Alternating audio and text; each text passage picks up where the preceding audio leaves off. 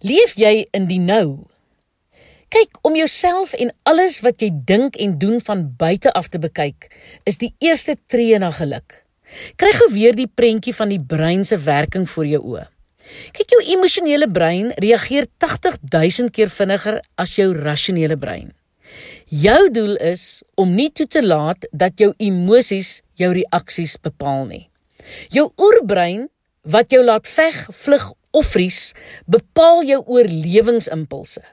Jy is selde bewus van die dieper vrese en behoeftes in jou onderbewussyn wat hierdie impulse dryf. Jy moet seker maak dat jou rasionele brein in beheer is en jou gedagtes, gedrag en dit wat jy glo positief beïnvloed. In tye van onsekerheid en te veel inligting waarvan baie onwaar is, is dit nodiger as ooit om bewus te lewe. Dit beteken dat jy elke gedagte moet toets aan die groter prentjie van waarheid en perspektief. Watter deel van jou brein is agter die stuur?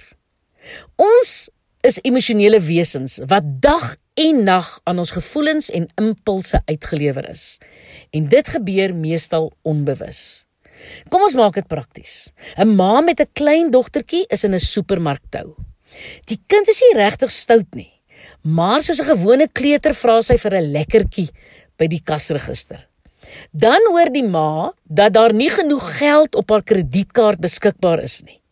En die volgende oomblik verskree sy die kind sonder rede. Wat het hier gebeur? Die nuus by die kasregister het 'n golf van emosies in die ma se gemoed gesneller. Haar bekommernis oor die geld wat minder word en die vernedering van die oomblik was net te veel vir haar. En die arme kind moes dit ontgeld. Die ma los alles net daar en stap kwaad uit die winkel uit terwyl sy haar trane onderdruk. Nou, As sy haarself net 'n oomblik gegeen het, sou sy diep kon asemhaal en rasioneel haar opsies oorweeg. Sy sou dan die simpatie in die omstanders se oë gesien het. Dit kan met enigiemand gebeur. Sy sou ook kon vra dat die winkelassistent haar trolly eenkant hou tot sy by die ATM kon vasstel hoeveel wel beskikbaar is op die kaart. Nou hoe pak jy die tog aan? Ek het jare gelede 'n artikel gelees van 'n ervare bergklimmer wat 'n moeilike nuwe roete wou aandurf. Sy was 'n presiese mens wat alles deeglik beplan het.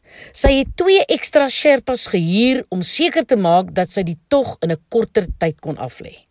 Die eerste 2 dae het goed afgeloop en die span het verder gevorder as wat sy beplan het. Maar op die 3de dag het die draers by die tent bly sit. Toe sy baie ontsteld wou weet wat aangaan, het die leier gesê dat hulle die dag moes rus omdat hulle siele met hulle liggame moes opvang. Vir my is daar 'n les in die in hierdie verhaal. Al weet ons dat ons liggaam, siel en gees is, maak ons nie altyd tyd om die drie bymekaar uit te bring nie. Om die waarheid te sê, skeep ons ons gesondheid op alle gebiede gruwelik af en dan hoop ons dat ons heel aan die ander kant sal uitkom. Jy sal nie sommer die pad stad toe kan aanpak sonder genoeg petrol in jou kar nie. En jy sal ook nie 'n lang pad aandurf as jy weet daar is fout met jou remme en 'n geklop onder die enjinkap nie. Maar ons doen dit met ons koppe en ons lywe. Jy moet tyd maak vir batterylaai. Dit was nog nooit so belangrik soos nou om stilte tyd in jou dag in te werk nie. Of jy dit soggens doen voordat jy voordat die res van die huis wakker word of jy gaan stap, eers moet jy alleen tyd inwerk om jou kop skoon te maak en jou battery te laai. Maak tyd om jou gedagtes en gevoelens af te stof en reg te pak. Neem die besluit dat jy positief die dinge wat jy kan verander sal identifiseer.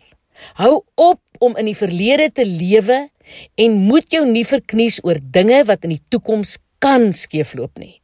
Vir my werk dit om 'n joernaal te hou.